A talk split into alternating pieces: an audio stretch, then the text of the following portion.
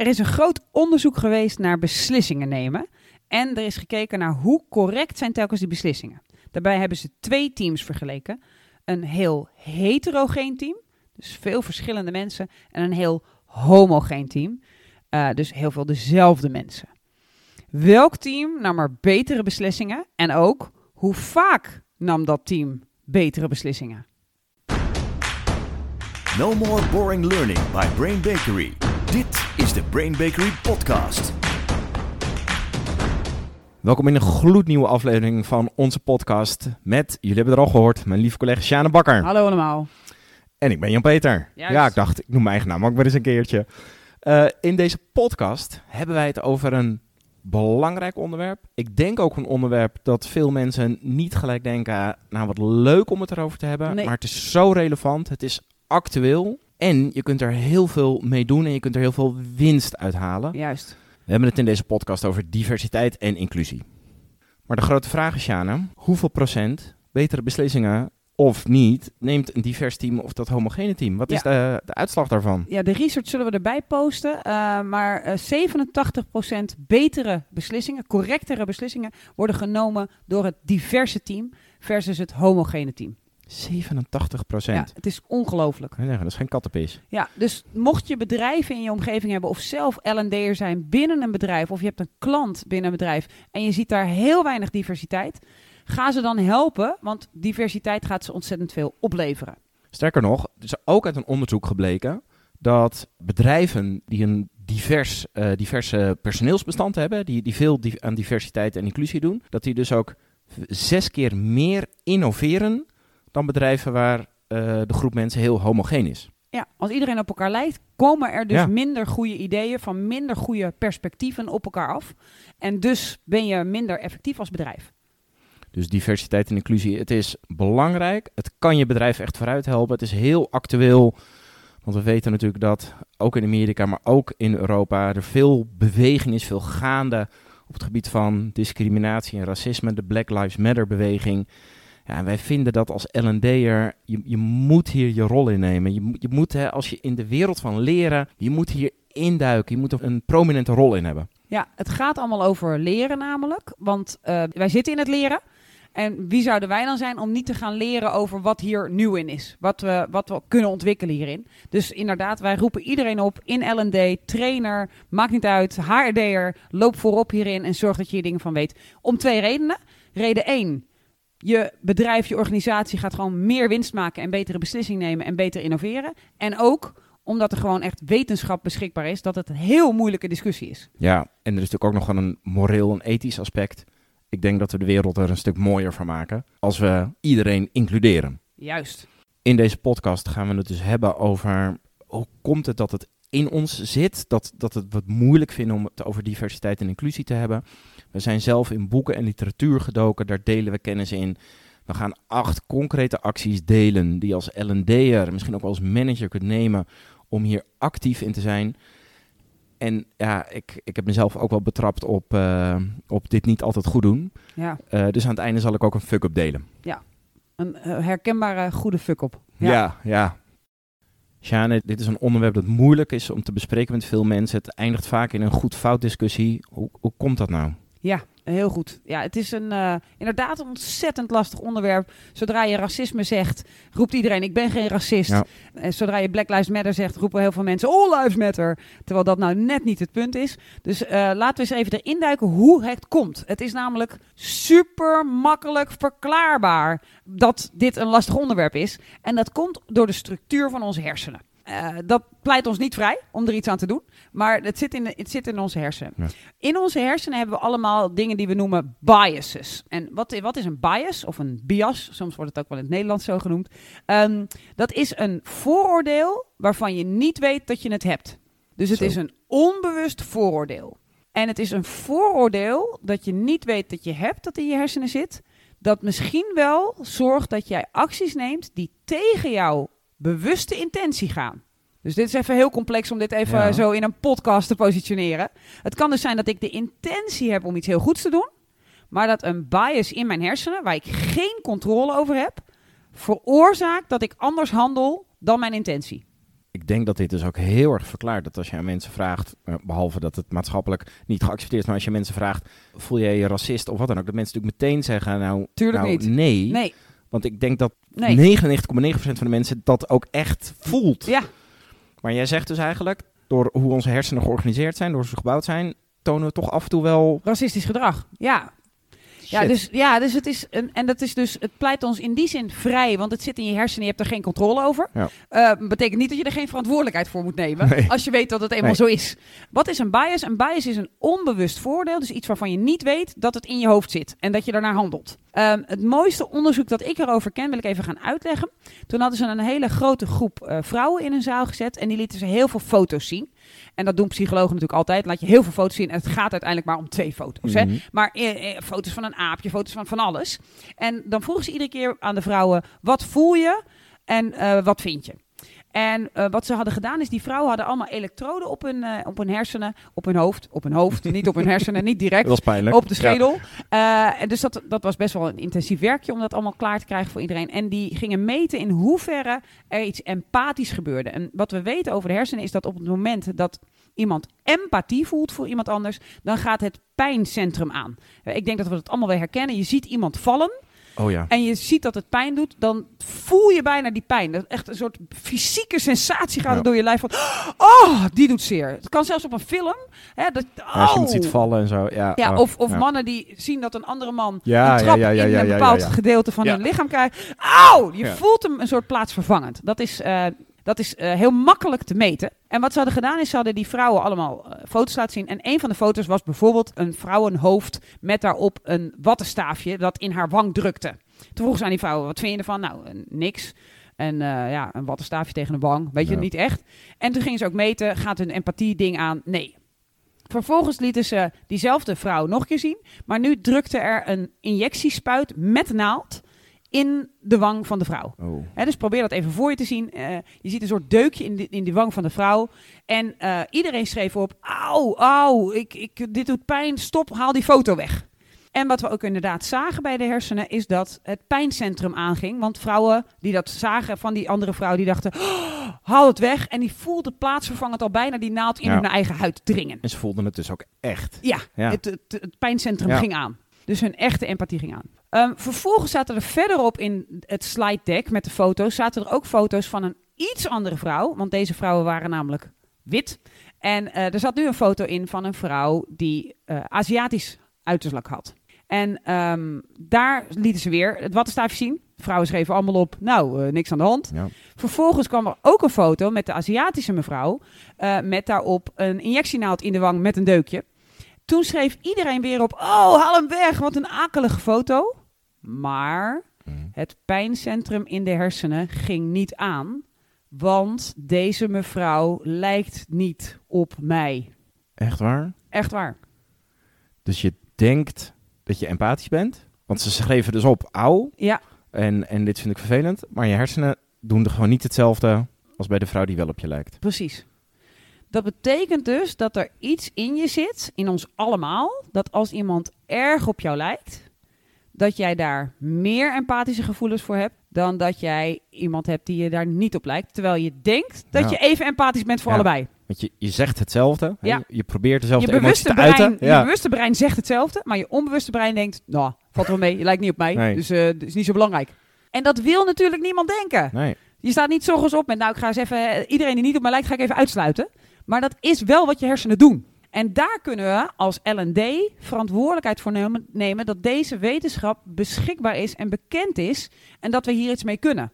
Ik hoor die best wel weinig in, in de gesprekken over discriminatie, racisme. Dat, dat het eigenlijk in ons... Nee, ja, het, Eh, het, het ja. verwoordt bijna onmiddellijk tussen sta je aan de Ja, goede kant, ja. sta je aan de foute kant. Bedoel jij het goed of bedoel jij het fout?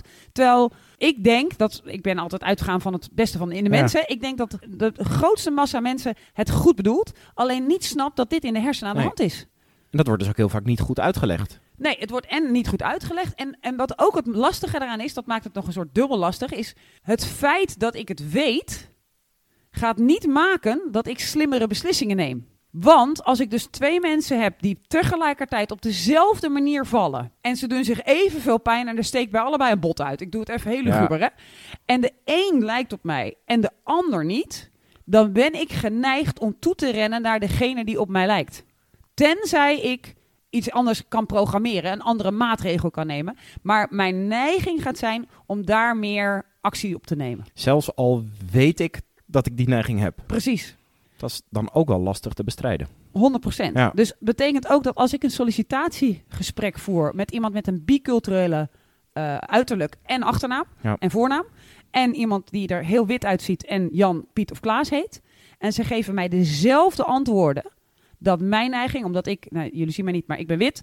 eh, mijn neiging gaat zijn om degene die de witte antwoorden geeft, die daarvan uitgaat. Mhm. Het zijn dezelfde antwoorden, om die beter te vinden dan iemand die eh, dezelfde antwoorden geeft, die minder op mij lijkt. Ik vind dit best... Kloten. best- ja, ja, ja, dat. Dit is echt heel klote. Ja. En dit, is, dit betekent dus dat, je, dat wij dus gevormd worden buiten onze wens om. Ja. En dat er een deel van onze hersenen is, en dat maakt het denk ik heel lastig, waar we geen controle over hebben. Nee. Dat zit er gewoon in. Als wij heel veel in de media zien dat de Aziatisch uitziende personen of de computer whiskids zijn of de valse gemene massamoordenaar Ja. en heel goed allemaal in karate, dan is dat wat ons in onze bias klikt. En dus als we dan iemand zien, gaat dat stereotype aan. Dat willen we niet, zo willen we ook niet denken, maar hij gaat wel aan. Hmm. Daarom heb je dus bij veel bedrijven, denk ik, misschien dat ze wel de wil hebben voor, voor een diversere managementlaag of personeelsbestand, maar dat het toch maar niet eh, van de grond komt. Ja, precies, omdat we dit niet weten en Nee. omdat als je erover gaat praten, het al heel gaat, gaat over, ja, maar dan gaan we dus nu biculturele mensen aannemen, maar die zijn dan waarschijnlijk niet kwalitatief even goed als onze mensen, Ja. enzovoort. Terwijl we dus weten, daar begonnen we mee, dat het echt je bedrijf heel erg vooruit helpt. Juist.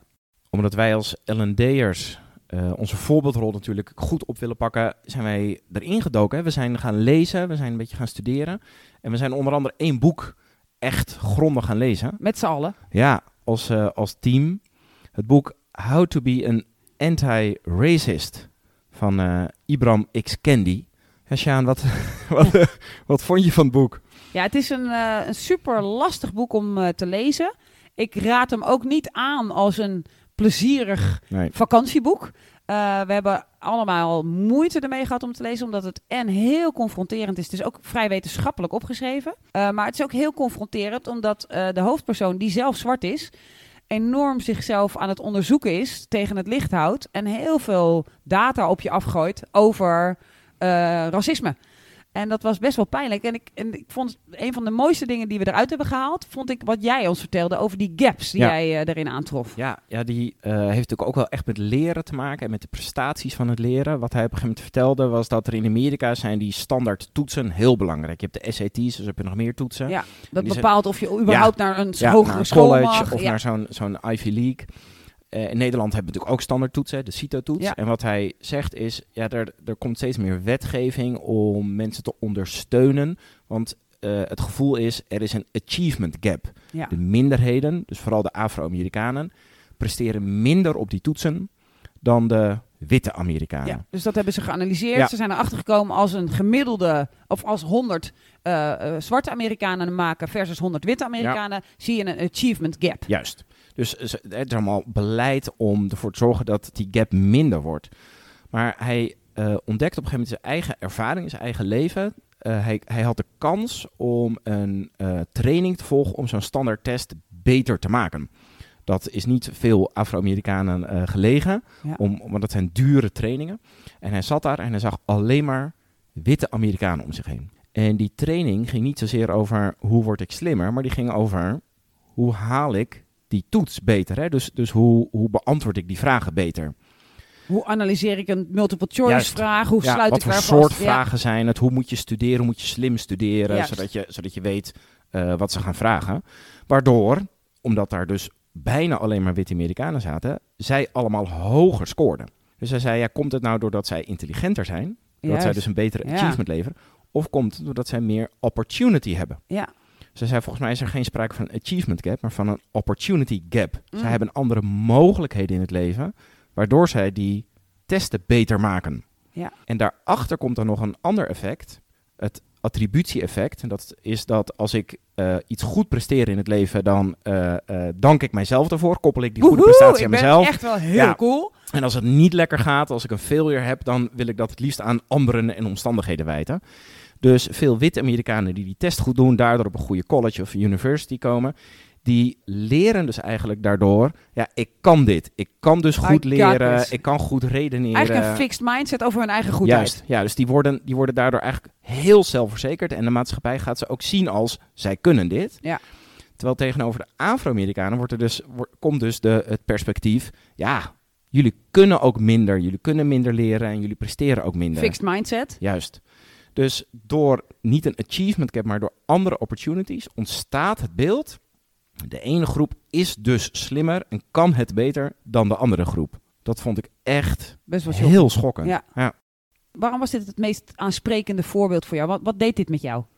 Nou, ik, ik zag mezelf bij wijze van spreken bij hem in die ruimte zitten als een witte Amerikaan. Ja, Me van geen kwaad bewust dat ik dat eh, voordeel heb, dat ik die voorsprong heb. ja, ik, zou, ik zou nooit denken of uitspreken, eh, mensen van kleur of andere culturele afkomst kunnen minder studeren.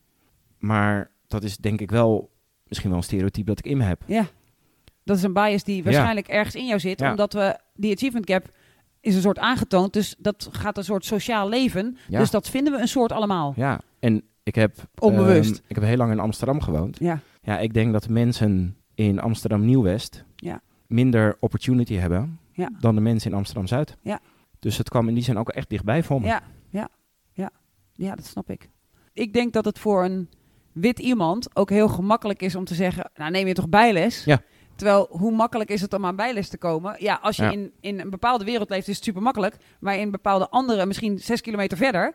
is bijles niet een concept wat echt bestaat. Nee, nee, en dan zijn er nog honderd andere omstandigheden die je kunt bedenken. Gewoon goede studiematerialen, een rustige plek thuis om te studeren. Überhaupt internet en computers. Ja, Kijk naar ouders in de. COVID-crisis. Hoeveel kinderen er niet naar school konden. Ja. Of tenminste, je mocht niet naar school, maar hoeveel kinderen ook geen lessen konden volgen. Omdat er gewoon equipment thuis niet was. Ja. Waardoor je niet eens kon videobellen met je, met je leerkracht. Ja. Ja. dus hij werd heel tastbaar voor mij in mijn persoonlijke leven, maar ook natuurlijk omdat wij zitten in de wereld van Mm. leren. Daar, daar voelde ik hem ook heel erg. Volgens mij kunnen we, kunnen we hier in de wereld van leren en dus ook in de wereld van onderwijs ehm, echt een enorme verbeterslag in maken.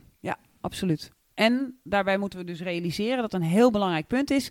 Trainen zelf helpt niet. Hè? Dus het je bewust van worden dat je een bias hebt, die helpt niet. Nee. Maar die helpt wel om maatregelen te nemen. Hè? Wat kan ik eraan doen dat ik kennelijk onbewust ga, zo ga denken? Ja. Want het feit dat ik ontdek dat ik zo denk, betekent niet dat ik niet meer zo denk. Wow! Ik hoop dat iedereen dit nog volgt. ja. En we hebben naar aanleiding van de actualiteit, van dat we eh, hierin studeren, hebben we natuurlijk veel gesprekken gehad. Ja, discussies, ja, ook echt. ja. En ja, het klinkt een beetje raar. Je hebt hier misschien eigenlijk een voordeel in. Ehm, dat bedoel ik zo goed, zo goed mogelijk, want je behoort tot een minderheid. ja, ja. Ja. precies. Ja, ik behoor natuurlijk tot de LGBT community. Ja. Ik eh, ben dus, omdat ik een minderheid ben, zeg ik niet dat ik alle andere minderheden zomaar begrijp. Maar denk ik wel dat ik meer snap over hoe het kan voelen als je aan de minderheidskant staat. Hè, en ik sta ook aan de minderheidskant, want ik ben ook een witte vrouw in een ongelooflijk eh, welvarend land. Eh, maar ik heb in mijn reizen rond de wereld, ben ik ook in landen geweest waarin ik niet, waar mij gevraagd werd om niet te vertellen ehm, voor welk team ik speel. het lesbische team. Ik, ja, dat doet me pijn, want je wilt... Volgens mij wil iedereen de ander erbij laten Ja. horen. Ja, dat is Het- human nature. Ja. ja. Diversiteit en inclusie, dat, dat zijn natuurlijk de thema's. Maar, maar ik denk ook, maar daar, daar wil ik je gedachten over. Want er kwam een quote tegen, die ging over diversiteit en inclusie. Maar ik ben ook benieuwd, zitten we nog op dat punt? Die quote, hij is in het Engels, is... Diversity is being invited to the party. Mhm. And inclusion is being asked to dance. Mm. Dus ja, je mag bij ons aansluiten. Ja, Maar dan is er ook nog zoiets als, je mag echt meedoen en we eh schat je op waarde in. ja, Het, het echt participeren. Ja. En toen dacht ik, ja, je hebt, je hebt exclusie, dat is, dat is vreselijk. ja. Dan heb je inclusie, je mag bij ons komen. Maar, maar is dat dan voldoende? Ja, ik, ik denk dat we dat, dat, dat als, je, als je terugkijkt in de geschiedenis, hè, ik weet dat ik nog wel protesten heb gedaan, dat, dat we weer op een soort kruispunt nu zitten. En ik denk dat jouw quota ook ermee te maken heeft. Maar laat, laten we even iets verder teruggaan in de Mhm. tijd. Ik weet dat ik ooit nog gedemonstreerd heb voor dat mensen tolerant moesten zijn tegenover de homoseksuele medemens. Ehm, en als je dan gaat kijken naar het woord tolerantie, dan kun je dat het beste vergelijken bijvoorbeeld met: oké, ik ben heel erg moe, ik wil heel graag slapen. Dus ik tolereer nu even dat er ergens nog een mug rondzwerft. Eh, en ik ga gewoon mijn ogen dicht doen. Maar zodra die mug mij Ja. weer wakker maakt, gaat hij eraan. Hè? Dus tolerantie betekent: jij deugt niet. eh, maar ik sta toe dat Ja. jij er toch bent, tot ik je niet meer tolereer. En ik heb nog gestreden om dat te bereiken. Het, echt, echt, ik voel het gewoon. Ja. Dat, als je daar nu op terugdenkt, Ja. vreselijk. Ja, je kan het je nu niet meer voorstellen. En je wil ook niet zo zijn, maar Nee. daar streden we toen voor. Ja. Nou, vervolgens ging, we, ging, ging de strijd naar iets anders toe en die ging naar acceptatie.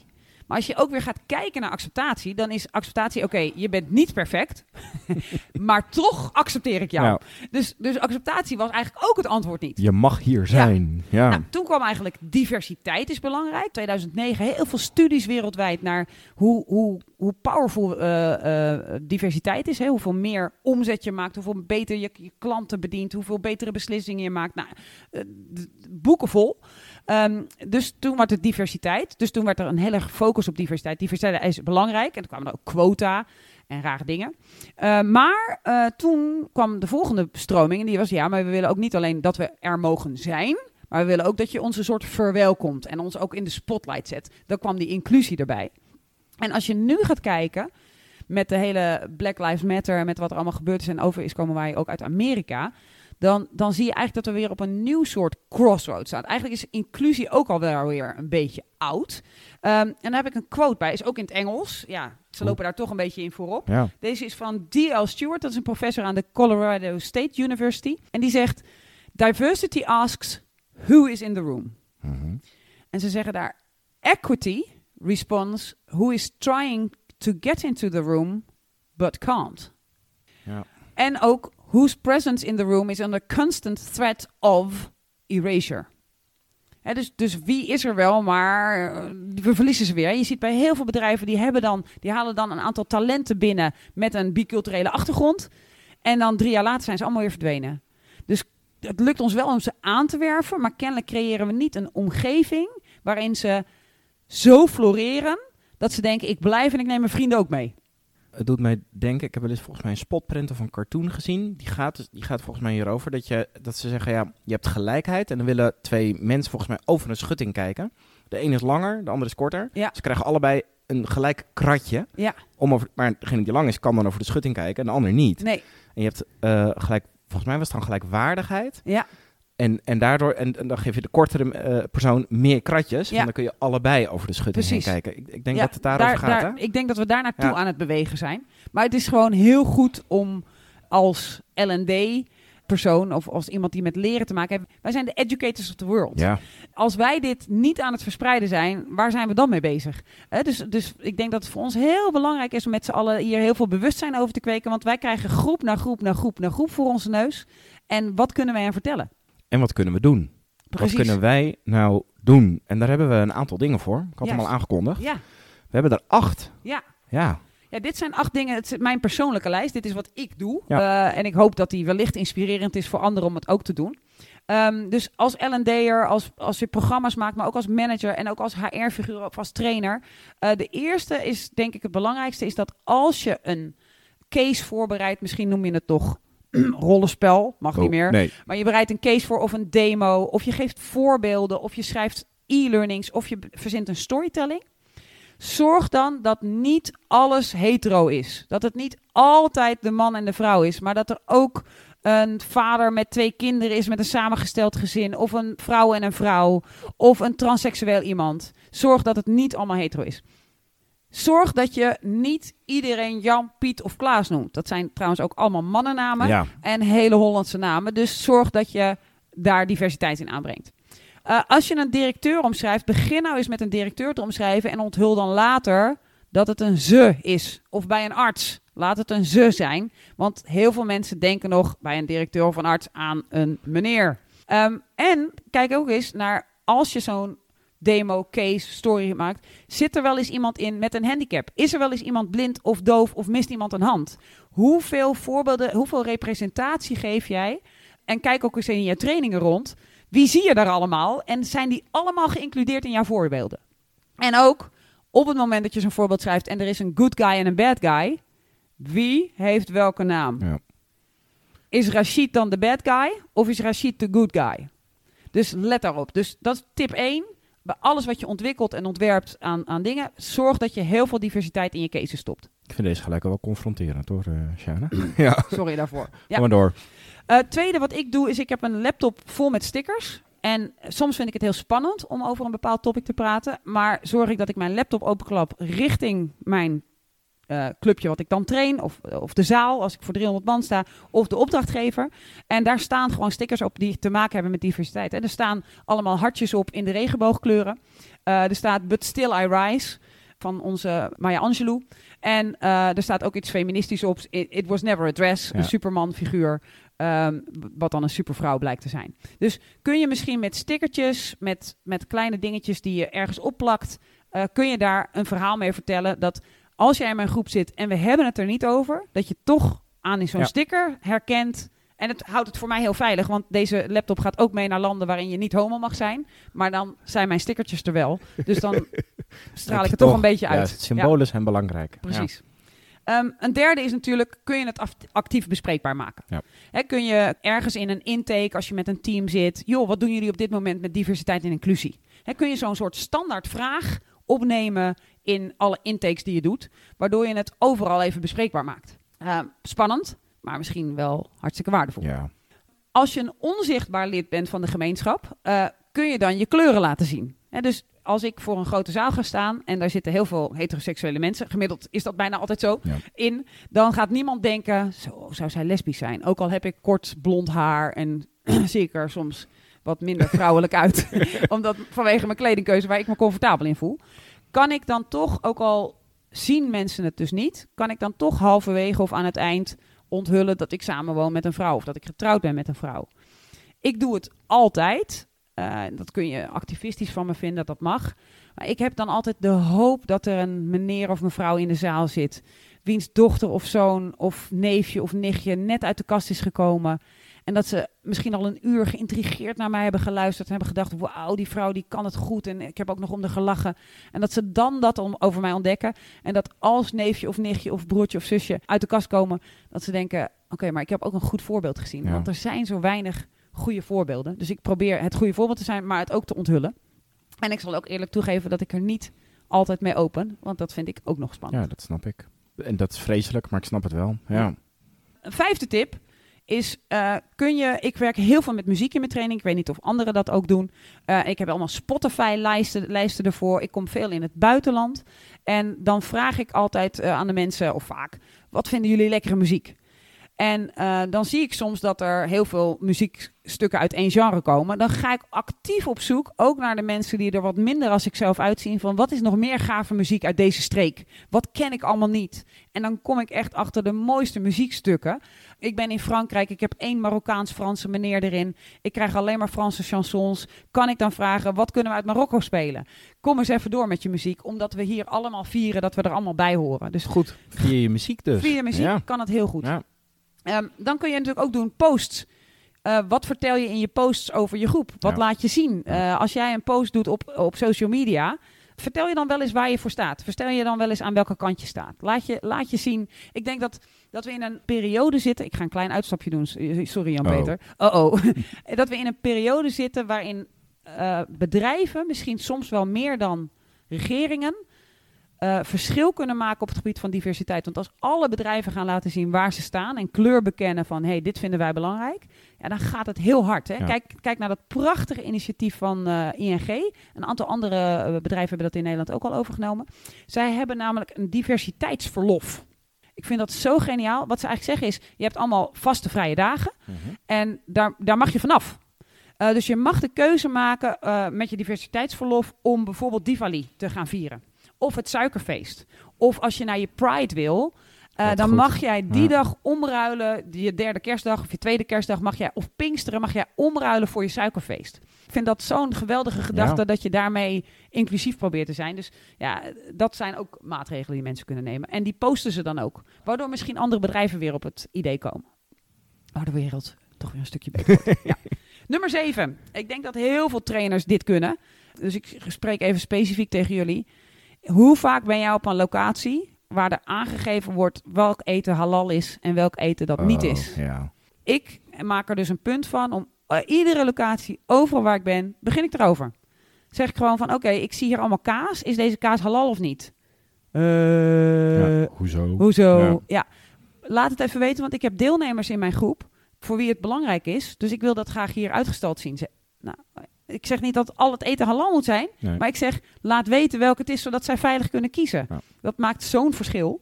Eh, wij hebben ook een Brain Bakery eh, borrel eh, vier keer per jaar. We Ja. hebben nu al een tijdje niet gehad vanwege de COVID. Ja. Maar hij komt er weer aan.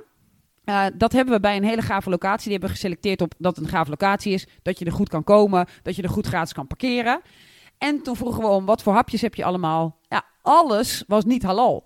Ja, dus wij hebben gezegd, al onze hapjes moeten nu halal zijn. Dus Ja. zij moesten gewoon gaan inkopen. Ja, en dat weten ze nu ook. Ja. ja. Precies.